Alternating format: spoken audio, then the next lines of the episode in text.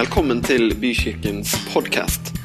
For mer informasjon om oss cvvvbykirken.no.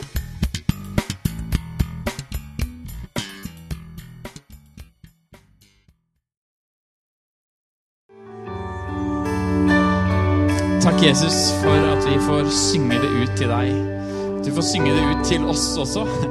At du er redningen. At du er mesteren, at du er skaperen, at du er det hellige, det evige, det rene, det fullkomne. Det er deg, Herre. Takk for at vi får lov til å kjenne på det, få tilhøre det og få komme til deg med alt det vi er og har. Amen. Amen.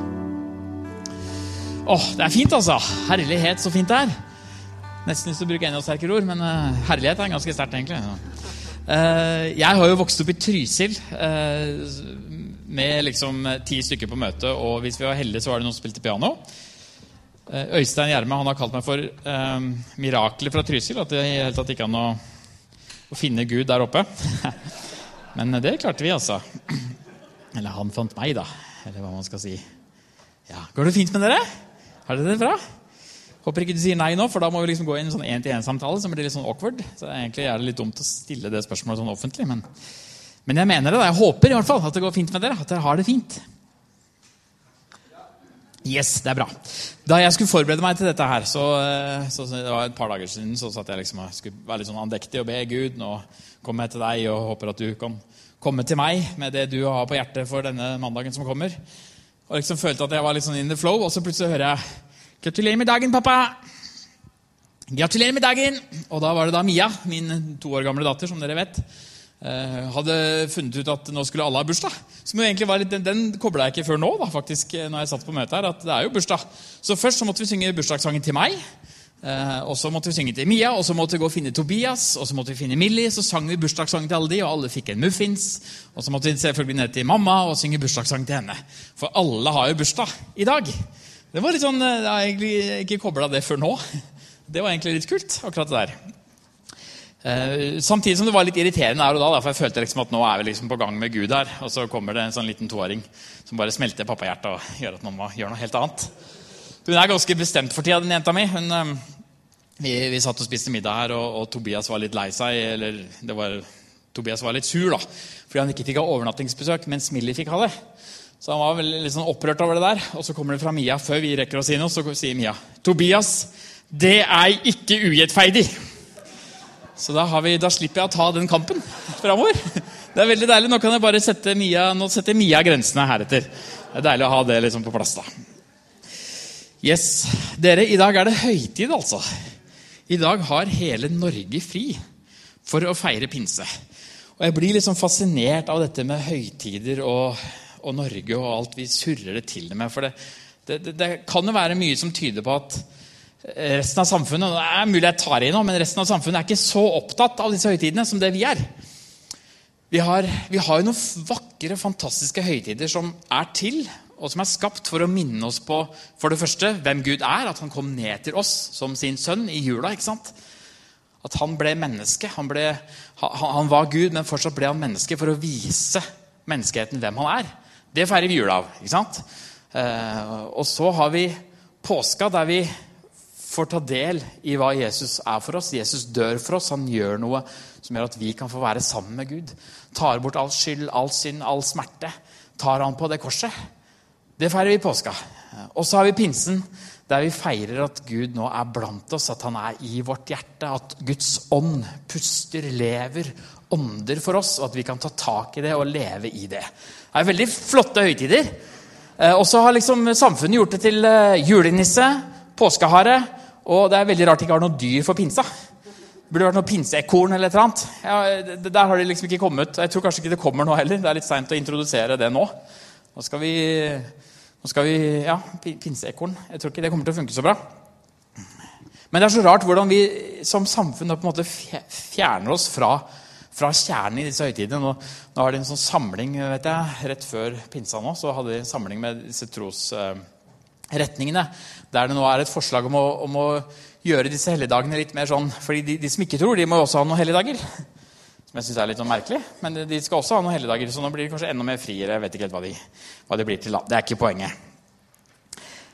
Men jeg setter pris på alt dette rundt høytiden også. jeg gjør jo Det Det er ikke sånn at jeg liksom sier at vi ikke skal leve sånn som resten av samfunnet, men, men de høytidene er så viktige for oss. da. Og som Bent Ove sa, særlig hvis det er sånn at vi lever i den pinsa hele tida. At det ikke bare er noe vi gjør én dag i året, for det hadde blitt litt trist og litt kjedelig. Yes. Jeg skulle google hvorfor feirer vi pinse. tenkte jeg kunne, må, må liksom gjøre det. Man må jo starte et sted når man skal tale.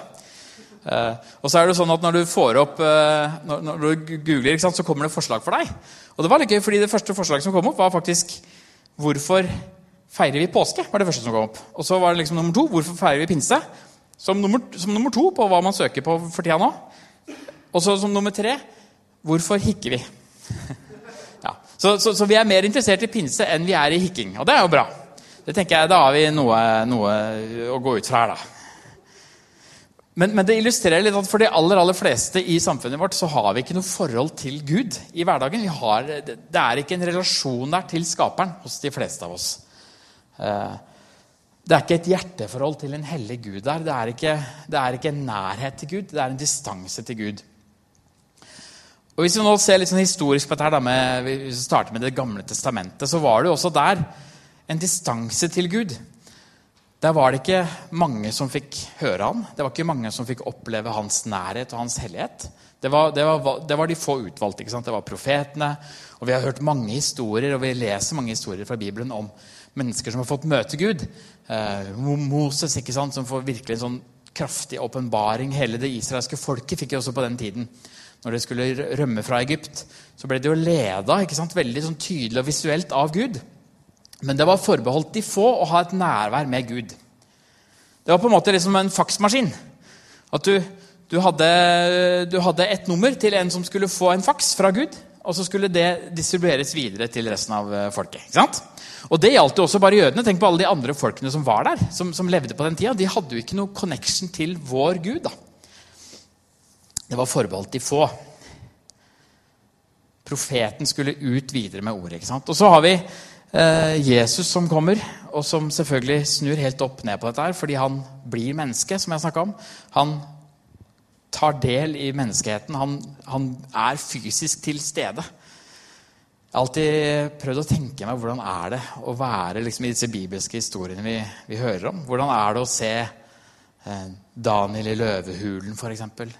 Eh, hvordan er det å se disse tre som som, som ble slags Altså Itchak eh, Nei, å, jeg er så dårlig på de navnene. Abednego er jeg god på. Men de to andre Shadrach, Mesak og Abednego som må inn i ovnen fordi de lovpriser sin Gud, og så overlever de det. Så Hvordan er det å vitne, være vitne til dette her? Hvordan er det å være vitne til at Jesus kommer og begynne å følge ham? Tenk å begynne å følge Jesus, se han hver dag. I alle mulige fasetter i livet. Hvordan er dette, hvordan er dette her? Så da Jesus kom, så, så, gjorde Gud om litt på liksom, teknologien. Det har seg sånn at Den prekenen her, den heter forresten 'Fra telefax til 4G'. Men jeg hadde ikke så lyst til å, å, å, å basunere det ut, for da kunne dere tro at det var på en slags sånn telekonferanse for Telenor. Eh, og det er jo ikke hensikten. Men det er liksom det som ligger litt under her. da. Så, så det som skjedde når Jesus kom, det var at Gud opprettet et veldig sånn sterkt, men veldig lokalt nettverk. Fordi der Jesus gikk, der gikk de andre. ikke sant? Og når du skulle ha noe med Gud å gjøre, så var det liksom Jesus som gjaldt. Og Det var jo helt fantastisk, og det har vært utrolig sterkt å være en del av det. Men det er jo fortsatt veldig lokalt. Det var jo veldig sånn geografisk begrensa. Du kunne ikke bo i Trysil da og kjenne Jesus. Men det kan du da. Det er fint, da. Så Jesus han kom jo først og fremst for å dø for våre synder, for å dø for vår skyld, for å eh, opprette en kontakt, gjenopprette en kontakt med Gud. Og det er et stort mirakel, og det er eh, selvfølgelig derfor vi tror, og det er derfor vi har en grunn til å komme til Gud i det hele tatt. Men det han gjør etter han, han dør, når han står opp igjen eh, Han er 40 dager sammen med, med, disiplene sine, som også må være en helt sånn sprø opplevelse. Eh, at han står opp igjen, og så, og, så, og så forsvinner han i skyene. Og de ordene han sier før han forsvinner opp i de skyene der, de forandrer også hele utgangspunktet for det å ha en tro da, på Gud.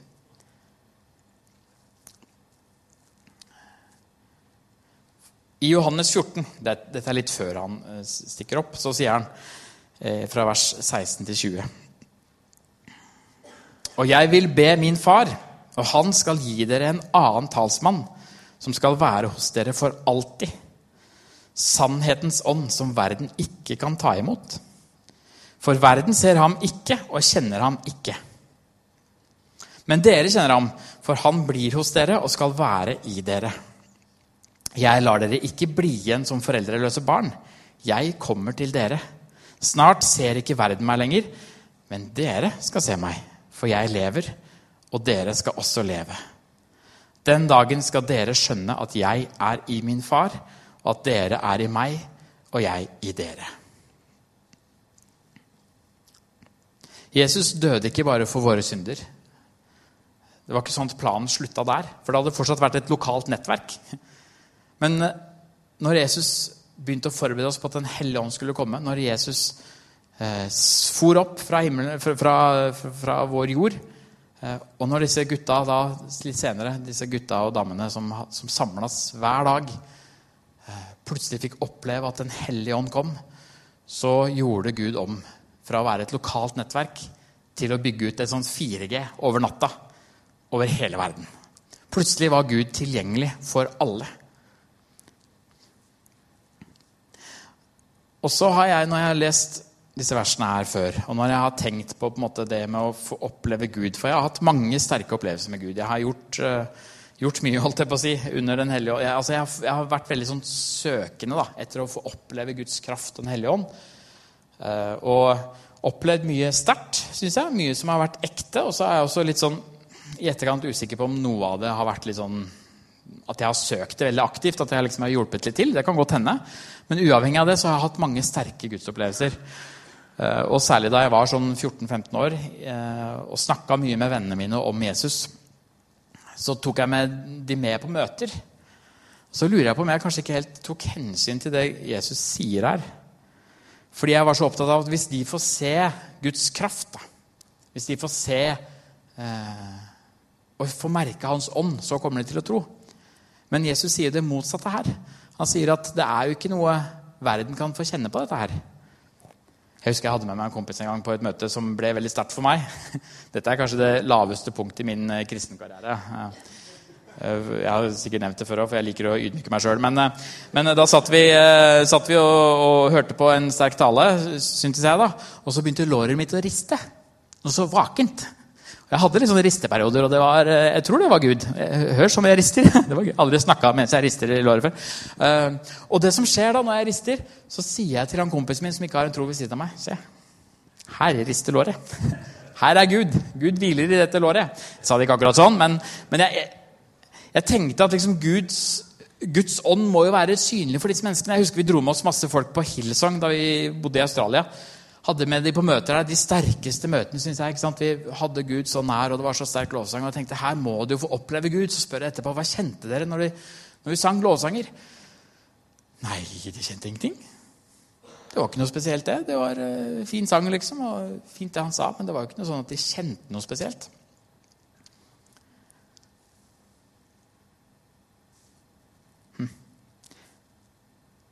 Denne talsmannen skal være hos dere for alltid.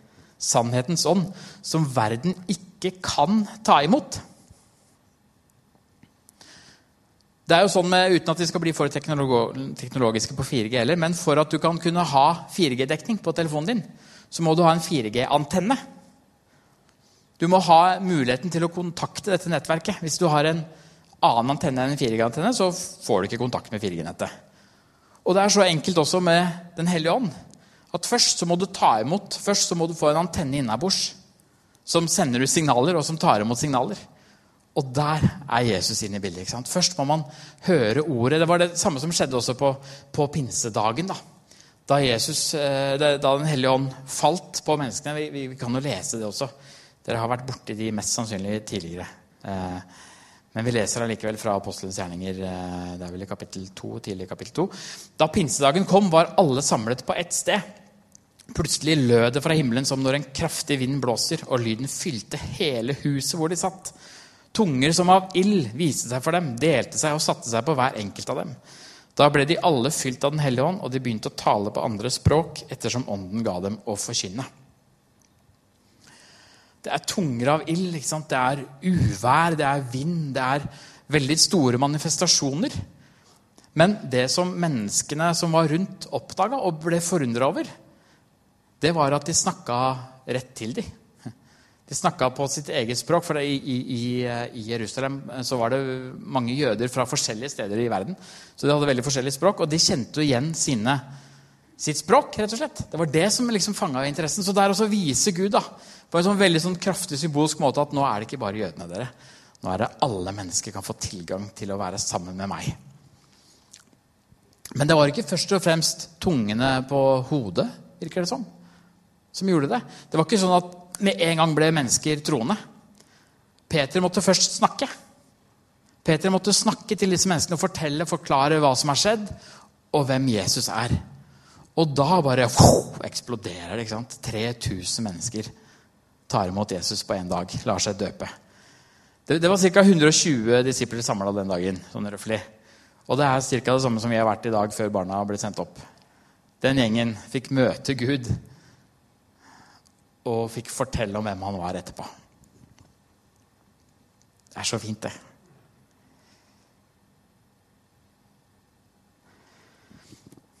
Så når jeg prøver å liksom se hva, hva sier egentlig Jesus om Den hellige ånd, så, så har jeg i hvert fall jeg definert det på en måte i to, to oppgaver som Den hellige ånd har.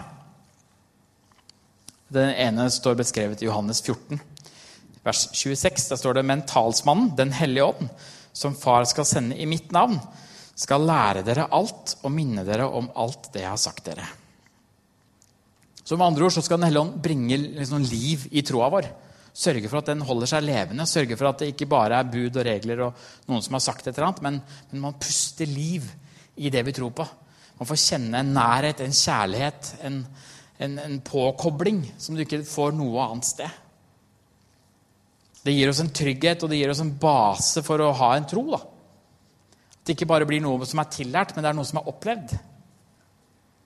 Det er det ene, og det er kjempeviktig. Og der, der var jeg, som jeg sa, uh, veldig lenge uh, i, i, oppveksten min. Uh, mens jeg, mens, når jeg tok imot Jesus og ble åndsdøpt, så, så, var jeg der veldig lenge. Jeg var der så lenge at jeg, jeg begynte å søke liksom, den opplevelsen. Jeg begynte å søke Den hellige ånd som, som en slags liksom, som partytriks. da. Det ble nesten litt sånn at jeg, liksom, jeg ville ha et slags fiks, eller jeg ville liksom bli full, eller altså, kjenne at Den hellige ånd bare tar over. Og det har sikkert sunne ting i seg, og jeg har nok lært masse av det. Men det jeg tror skjedde i meg, var at jeg begynte å bare søke det i stedet for å søke hva Den hellige ånd egentlig vil gi meg. For det stopper ikke der. Det virker som om Gud og Jesus da, i det han sier om Den hellige ånd, ønsker at vi skal være veldig aktive.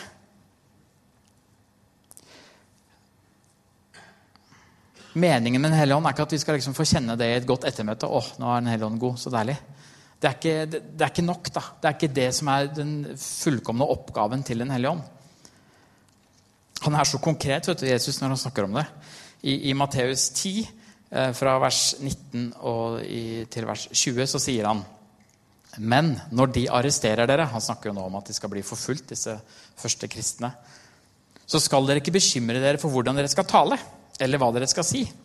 Det skal bli gitt dere i samme stund hva dere skal si. For det er ikke dere som taler, men det er deres fars ånd som taler gjennom dere. Vi kan snakke mer om hvor aktiv Gud ønsker vi skal være. I Lukas 24 så sier Jesus.: Og se, jeg sender over dere det som min far har lovet, men dere skal bli i byen til dere blir utrustet med kraft fra det høye. Apostelens gjerninger 1,8. Men dere skal få kraft når Den hellige ånd kommer over dere, og dere skal være mine vitner i Jerusalem og hele Judea, i Samaria og helt til jordens ende. Så Jesus ønsker at Den hellige ånd skal være en kraft for oss som vi bruker. Som vi aktivt går ut og bruker. Ikke som vi nødvendigvis kjenner at vi har før vi går ut heller. Hadde jeg blitt arrestert fordi jeg hadde hatt en tro, så ville jeg blitt litt sånn nervøs. Det kan godt hende disse var også det. Eh, og liksom begynte å planlegge hva, hva slags forsvarstale skal jeg sette i gang her. Men tingen er at når vi kommer på spissen av livet vårt, da, når vi kommer liksom til det ytterste Når vi ikke vet hva vi skal gjøre, da griper Gud inn.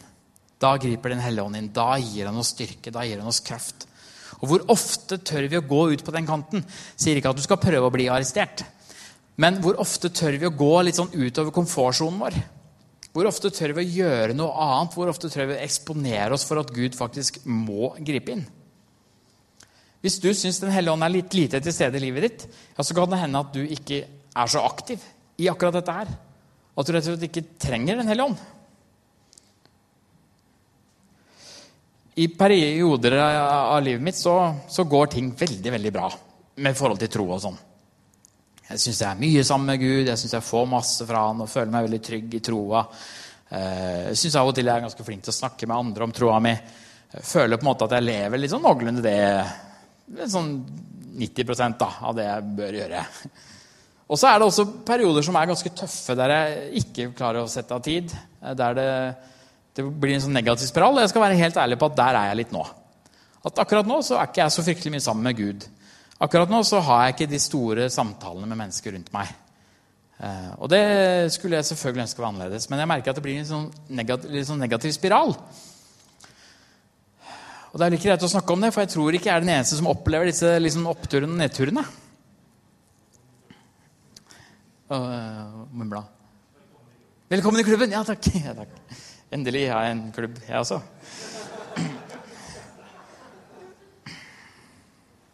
Så hvorfor går det så innmari opp og ned? Hvorfor, hvorfor er ikke dette mer konstant? Vi har fått en gave. Det, er, det, må jo bare være så tydelig på at troen er en gave. Det å tro på Jesus. Han har gjort alt for oss. Den hellige ånd er også en veldig sånn tydelig gave. Jeg kan ikke gjøre noe for å få Den hellige ånd. Den har gitt til meg. Den har jeg tatt imot. Og så vet jeg at Gud ønsker at jeg skal bruke livet mitt på andre mennesker. Jeg vet at Gud dukker opp, for det har jeg opplevd sjøl. At han dukker opp når jeg trenger det. Men allikevel så virker det som vi mennesker, eller i hvert fall jeg, da, eh, blir litt sånn konform. Man blir liksom så, eh, det, det trygge er jo det beste. Vi blir litt sånn som mennesker. Vi syns det er deilig med trygghet. Vi synes det er litt sånn deilig med de, Jeg har sagt tidligere her at jeg ikke liker rutiner, men det er jo litt tull. For jeg syns det er litt deilig med rutiner òg. Syns det er litt deilig at jeg vet jeg har en jobb å gå til i morgen. Syns det er litt deilig at uh, dagene liksom bare går. Det koster mer å, å gå ut for den komfortsonen. Det kosta meg mer å stå her første gang enn det det gjør nå, når jeg har stått her noen ganger, fordi nå har jeg blitt litt vant til det.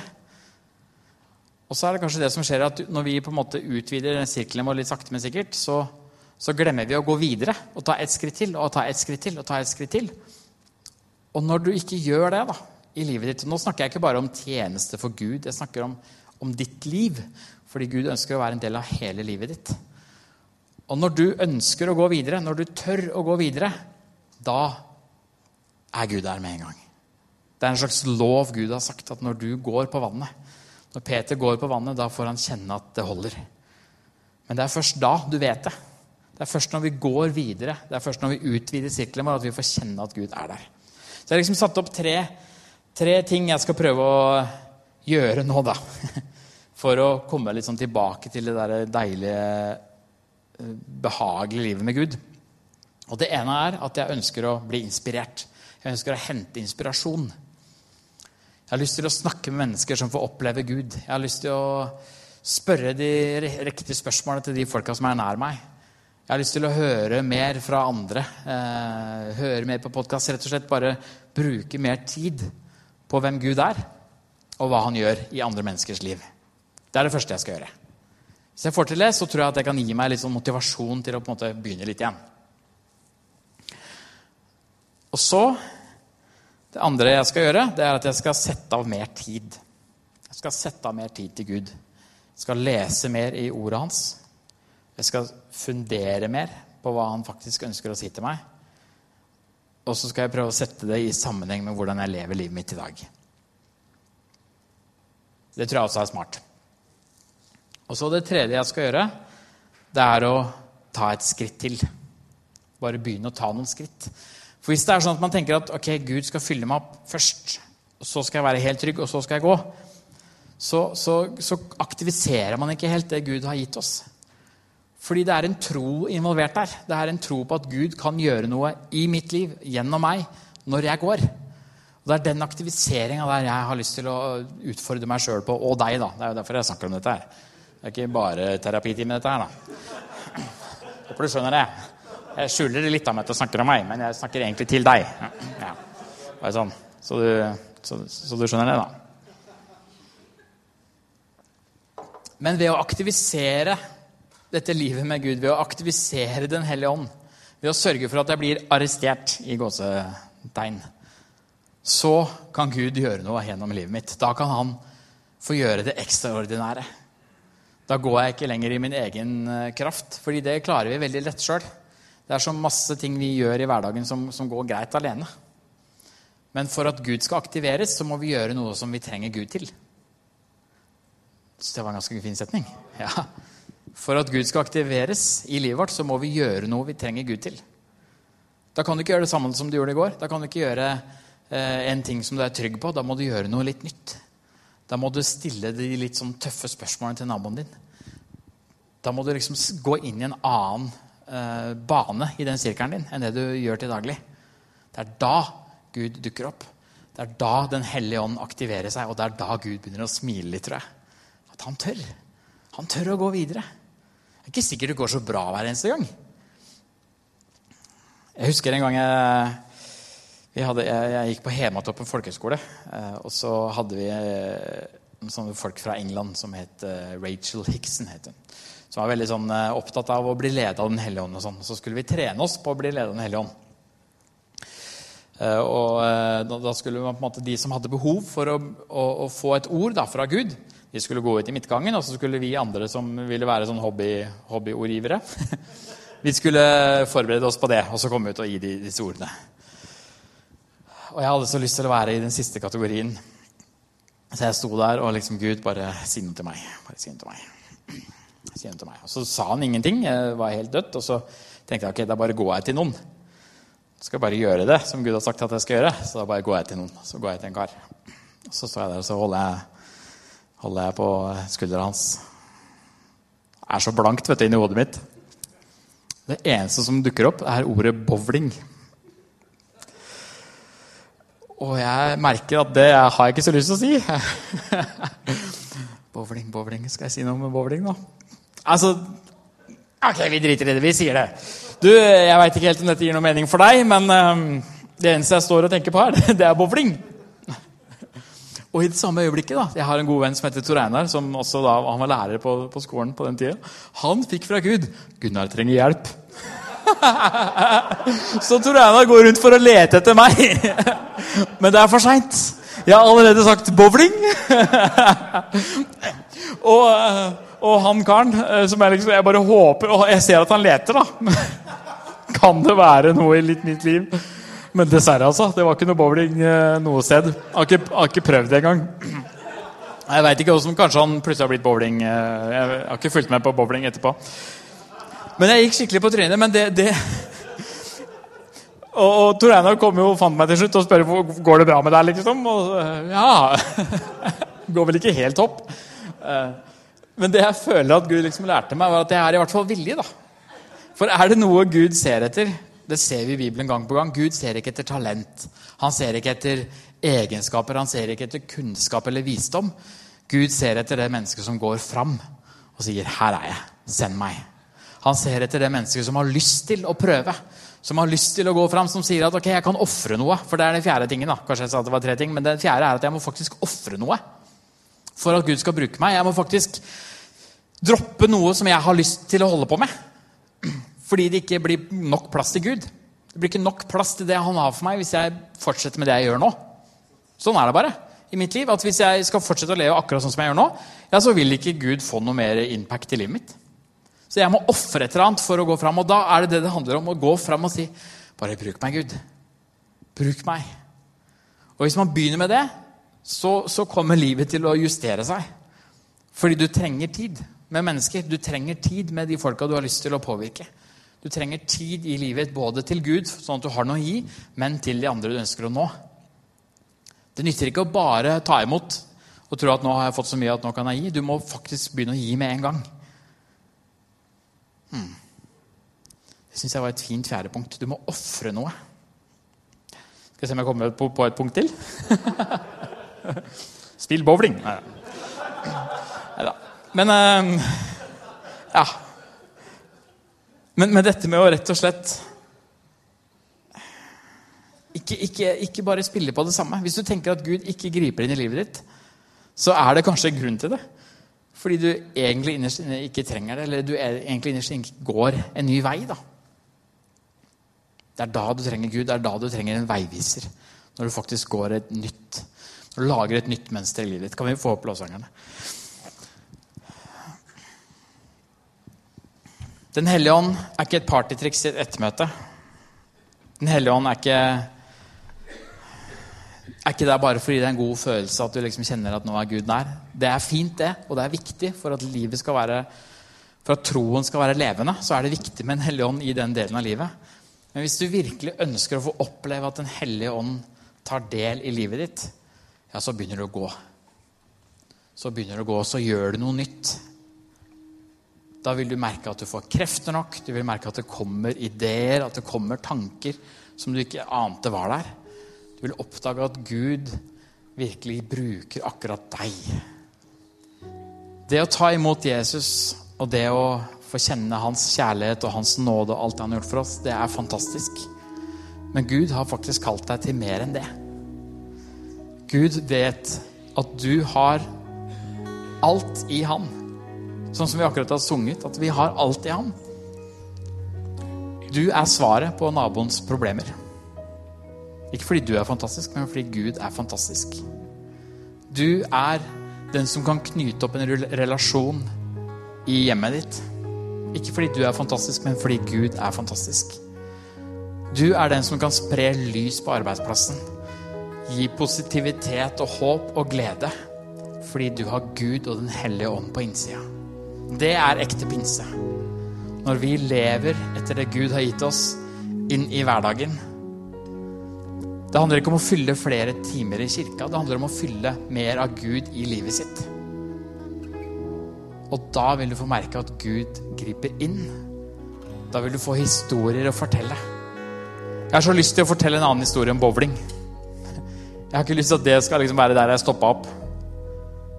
Jeg har lyst til å ha nye historier å fortelle der Gud faktisk brukte lille meg. Ikke fordi jeg hadde de rette tankene eller de rette orda eller var kjempeflink til et eller annet, men fordi Gud faktisk så at jeg ville. Takk, Jesus, for at du ser oss, du kjenner oss, du elsker oss uansett. Du vil oss bare det beste, Herre. Du ønsker å gi oss gode gaver. Men takk også for at det koster noe å få merke at du faktisk griper inn i livet vårt. Du lærer oss at det ikke handler om oss sjøl, men at det handler om andre mennesker. At det å gi gjør at vi også får.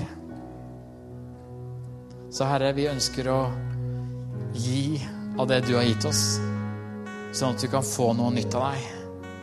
Vi ønsker å ha nye historier å fortelle barna våre, vennene våre, familien vår, kirka vår. Vi ønsker at det skal fylles med masse historier av hvem du er, Gud av hva du gjør gjennom oss. Herre, fyll meg med din ånd.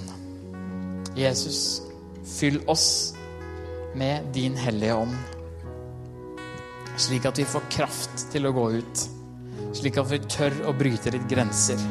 At vi klarer å komme oss ut av den sirkelen vi har tegna opp rundt oss sjøl. At vi får se hvem du sier at vi er. At vi får se hvem du, hva du har for oss for å nå andre mennesker.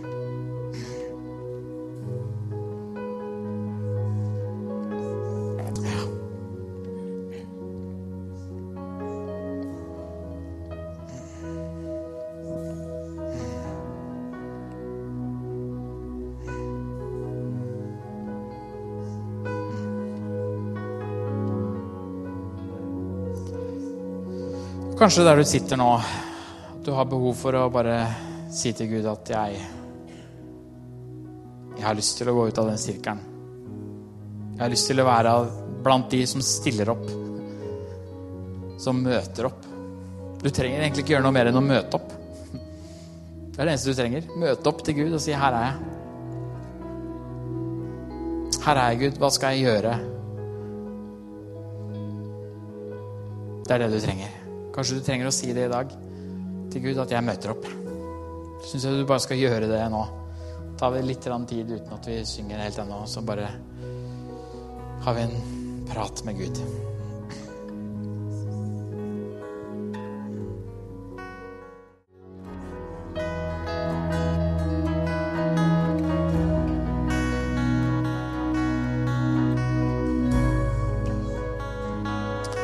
Herre, møt oss. Fyll oss. Ikke for vår skyld, men for de som er utenfor denne bygningen her.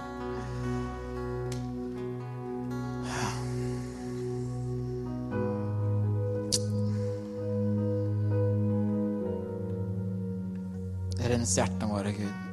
Takk for at Din Hellige Ånd peker på ting som skal være annerledes. Og hjelp oss til å gjøre mer enn å bare anerkjenne at det skal være annerledes, men å faktisk gjøre noe med det. Hjelp oss til å lytte og så handle. Du er frihet. Jesus, du er frihet. Du er